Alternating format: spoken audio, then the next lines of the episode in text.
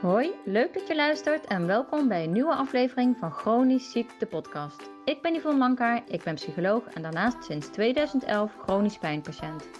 In deze podcast neem ik je mee in het leven met een chronische aandoening en zie ik het als een mooie uitdaging om het onzichtbare bespreekbaar te maken.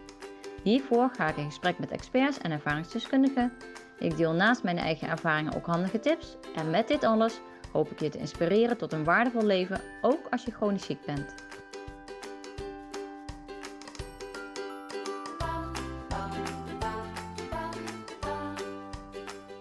Ja, superleuk dat je weer luistert naar een nieuwe aflevering van Chronisch Ziekte Podcast. Ik heb er heel veel zin in, want dit wordt de eerste aflevering in een reeks van 10 afleveringen die ik de komende weken ga opnemen. De komende twee weken, dus iedere werkdag één. En dat komt eigenlijk omdat ik uitgedaagd werd door een challenge die ik voorbij zag komen op Instagram. Om jezelf in de maand juli uit te dagen, uit je comfortzone te komen en dingen te doen die je eigenlijk spannend vindt of die je eigenlijk al heel graag had willen doen, maar daar nooit van kwamen. En voor mij was dat opnemen van podcast. Dan heb ik dat natuurlijk al vaker gedaan, maar nu in deze reeks wil ik dat heel laagdrempelig gaan doen. Dus een onderwerp pakken, wat een vraag van, van een luisteraar of een vraag die ik zelf tegengekomen ben. En daar eigenlijk gewoon over gaan praten. Zonder voorbereiding, zonder daar heel veel aan, uh, over na te denken, zonder er heel veel tijd in te steken. Ook niet achteraf. Ik ben natuurlijk gewend uh, heel vaak om lange afleveringen op te nemen. Die vragen veel voorbereiding en die vragen ook veel nabewerking. Dus daar ben ik gewoon langer mee bezig. Super leuk vind ik dat. Maar het leek me dus ook leuk om mezelf aan te wennen en aan te leren. Daar uh, nou ja, meer eigen mee te worden om korte afleveringen op te nemen over een klein onderwerp of een kleine vraag. Nou, dat is dus het doel voor de komende tijd. Ik ga dus 10 afleveringen opnemen en die gaan jullie de komende tijd horen. En vandaag is aflevering 1. Ik ga vandaag aftrappen met het onderwerp wanneer stop je met zoeken naar de juiste behandeling, naar de oplossing voor je klachten. En in de oplossing, dan heb ik het natuurlijk niet over een bepaalde diagnose die je hebt gekregen en dat die diagnose er ooit weer vanaf gaat. Dan heb ik het meer over wat vagere klachten, zoals pijnklachten, vermoeidheid. Hoe lang blijf je ernaar zoeken? Hoe lang blijf je je leven on hold zetten? Hoe lang blijf je zoeken naar de ultieme oplossing voordat je eigenlijk weer verder kan gaan met je leven, voordat je weer doelen kan uh, opstellen en daarna kan gaan streven? Van de week deelde ik een uh, aantal berichten op Instagram en daar ging het eigenlijk ook over dat ik jarenlang mijn leven eigenlijk ook onhold heb gezet om maar de juiste behandeling te vinden voor mijn pijnklachten. Ik was ervan overtuigd, mijn pijnklachten zijn heel ad hoc ontstaan. En ik was ervan overtuigd dat er echt wel een oplossing voor ging komen dat die pijnklachten dus ook weer zouden verdwijnen. Er was namelijk niet een hele duidelijke oorzaak te vinden, dus wel een duidelijke aanleiding in ieder geval voor mij, maar niet een hele duidelijke oorzaak. Dus ja, dan zou dat eigenlijk ook wel weer weg moeten gaan. Nou, dus ik heb heel lang gezocht naar oplossingen voor mijn, uh, voor mijn rugklachten. Ja, na een heleboel behandelingen komt er op een gegeven moment toch een moment dat je gaat denken: ja, hoe lang moet ik nog behandelingen uit gaan proberen? Er zijn altijd nog tig behandelingen uit te proberen. Er zijn altijd mensen die zeggen: heb je die, die persoon al gezien? Die is supergoed met rugklachten. Of heb je die persoon al gezien? Daar heb ik super goede verhalen over gehoord. Of daar heb ik zelf hele goede ervaringen mee. Er zijn altijd nog behandelingen en behandelaren uit te proberen. Maar hoe lang blijf je doorzoeken? Nou, voor mij was, is er ergens een punt gekomen en ik kan niet heel duidelijk zeggen van uh, nu uh, is het klaar. Maar ik denk eigenlijk dat dat ongeveer is geweest na mijn twee revalidatietrajecten. Toen heb ik natuurlijk heel veel tijd, energie, nou ja, alles, al mijn ziel en zaligheid gelegd in die revalidatietrajecten om daar uit te halen wat ik eruit kon halen. Nou, dat bracht me geen oplossing voor mijn pijn. Zeker bij het eerste revalidatietraject had ik die hoop wel nou, hoop doet leven zou je zeggen. Maar uh, nou ja, het, uh, het heeft niet mijn uh, pijnklachten opgelost. En ik denk dat ik vanaf dat punt ben gaan denken van ja, ga ik dan dus nog weer verder zoeken? Ga ik weer nieuwe trajecten aan? Op dat moment vond ik ook een fysiotherapeut die mij eigenlijk vooral kon, een stuk ontspanning kon geven. Uit het verleden was gebleken dat oefeningen doen en op kracht trainen, dat dat eigenlijk alleen maar averechts werkte.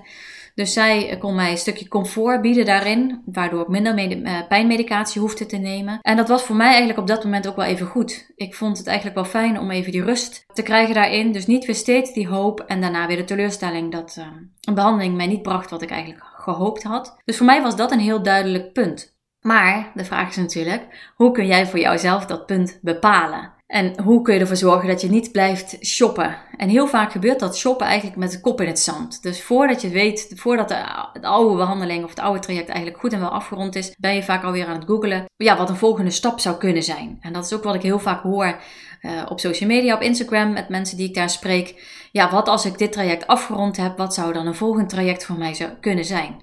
Dus nog voordat het ene goed en wel afgerond is en je eigenlijk ja, het even hebt kunnen laten bezinken, ben je alweer op zoek naar een volgende oplossing. En dat zou een signaal kunnen zijn voor jou dat je aan het shoppen bent. Dat je eigenlijk ja, niet goed durft te voelen wat het resultaat is van een behandeling. Omdat, dat, omdat je eigenlijk wel weet dat dat resultaat niet voldoende is. Dat het niet in de buurt komt bij wat je misschien gehoopt en verwacht had. En op dat moment dus eigenlijk alweer aan het kijken bent van oh, hoe ga ik dan verder? Waar, wie gaat me dat wel kunnen brengen?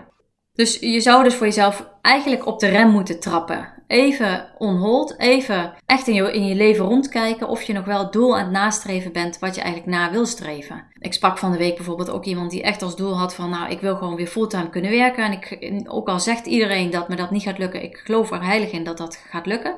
Super mooi natuurlijk als iemand zo gemotiveerd is om daar weer te komen. Maar het kan ook een valkuil zijn dat, het, dat je zo op dat doel gefocust bent dat je ja, daarmee eigenlijk jezelf voorbij holt en daardoor dus ook andere keuzes maakt dan dat je, die, dan dat je zou maken wanneer je even op de plaats rust zou nemen.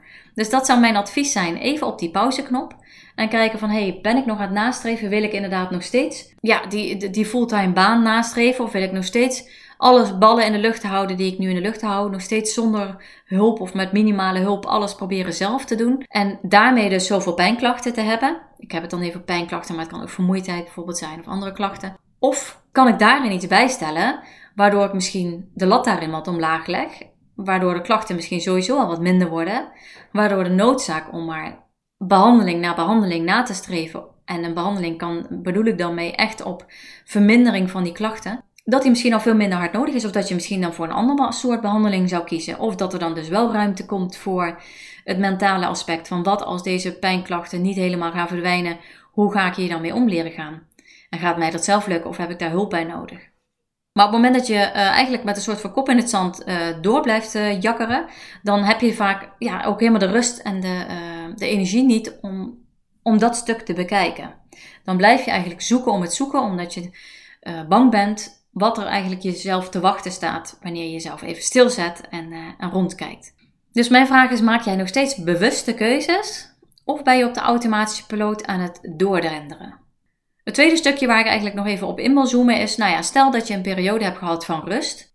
En stel dat je dan op een bepaald punt komt dat er toch weer een behandeltraject langskomt waarvan je denkt: hé, hey, daar zou ik misschien wel eens baat bij kunnen hebben. Of een bepaalde behandelaar die je wel aanspreekt of je klachten verergeren, waardoor je toch eigenlijk wel weer op zoek wil gaan, dan kun je natuurlijk heel erg snel denken: ja, maar ik had mezelf beloofd om niet meer op zoek te gaan. Ik had mezelf beloofd om mezelf die rust te gunnen en ik wil niet meer shoppen. Nou heb ik zelf dus ook op dat punt gestaan. Mijn klachten verergerden en ik had natuurlijk eigenlijk voorgenomen om geen behandeltrajecten meer te gaan doen, tenzij ik echt heel erg voel dat, dat dat me echt iets anders kan gaan brengen dan dat ik al gedaan heb. Dus heel bewust daarover nadenken, voelen, niet meteen erin springen, maar dagen of, of zelfs uh, even een paar weken laten bezinken.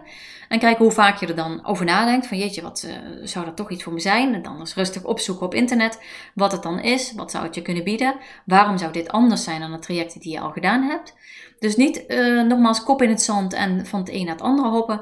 Maar gewoon in alle rust ja, eens kijken wat het jou kan bieden. En wanneer jouw klachten verergeren, dan zou dat natuurlijk dat echt wel het perspectief weer breder trekken wat dan uh, nuttig zou zijn, kunnen zijn voor jou. Zo was dat dus bij mij ook. Mijn klachten verergerden heel erg. Mijn pijn nam heel erg toe. Ik nam veel meer pijnstilling.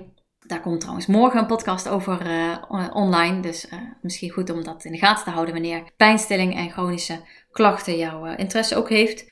Maar dat maakte wel dat er voor mij andere opties eigenlijk weer ja, in beeld kwamen. Dat ik dacht, jeetje, als ik zoveel pijnstilling moet nemen en nog steeds zoveel pijn heb.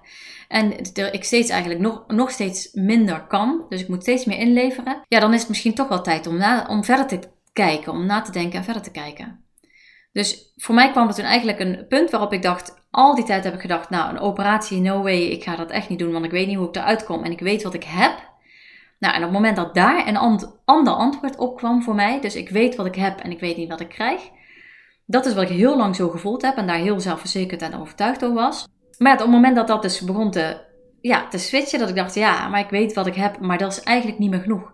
Het punt dat ik eigenlijk niet meer alleen voor mijn kinderen kon zorgen, doordat ik te veel pijn had. Dat ik niet meer alleen met hun kon zijn, een dag of zelfs een halve dag door kon komen. Ja, dat begon, uh, daar, dat is wel het punt waarop bij mij de twijfel kwam. En dat ik dacht, oké, dit is wat ik heb, maar wat zou een operatie mij kunnen bieden? Nou, in Nederland is toen bij mij op alle vlakken een operatie afgeraden. zowel op medisch vlak als, als bij veel mensen in mijn omgeving. Niet alle, gelukkig.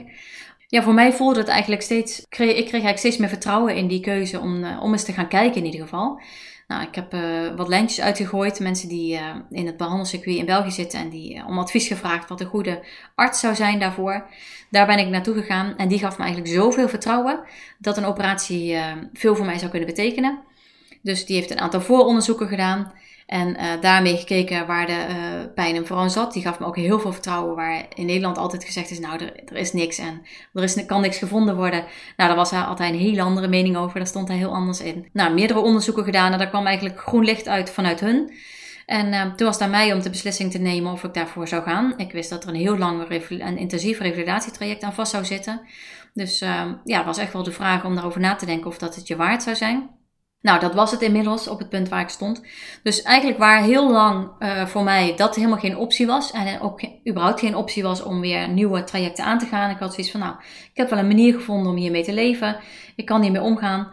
Totdat de klachten dus zoveel erger werden. En uh, ja, dat de boel eigenlijk weer overhoop gooide dat voor mij dus ook ruimte gaf om weer te kijken, oké, wat zijn dan nieuwe opties? En dat is eigenlijk ook wat ik mensen ook altijd adviseer op het moment dat mensen vragen aan mij van ja, moet ik dit nou wel doen? Moet ik nu weer een traject aangaan? Moet ik weer op zoek gaan naar medische oplossingen? Ja, ga kijken wat je allemaal al gedaan hebt en wat een behandeling dan weer als meerwaarde zou kunnen betekenen. Dat kun je natuurlijk ook heel duidelijk neerleggen bij de arts of de behandelaren waar je dan in behandeling zou gaan. Van uh, hoe staan zij erin? Wat, wat bieden zij? Wat bieden zij meer of anders dan de trajecten die je al gedaan hebt? Zijn je klachten veranderd en uh, kan daar dan iets mee uh, gedaan worden? Dus dat zijn eigenlijk de vragen die je zelf kan stellen, waardoor je gewoon een goede overweging kan maken, of goede afweging kan maken. Of ja, een nieuw behandeltraject een goede optie zou kunnen zijn voor je. Maar dat is eigenlijk over het onderwerp het shoppen. Blijven zoeken naar oplossingen. Niet stil durven staan omdat je bang bent waar je dan mee geconfronteerd gaat worden. En daardoor eigenlijk maar als kip zonder kop, in het zand. Ja, blijven zoeken naar de medische oplossing voor jouw uh, fysieke klachten.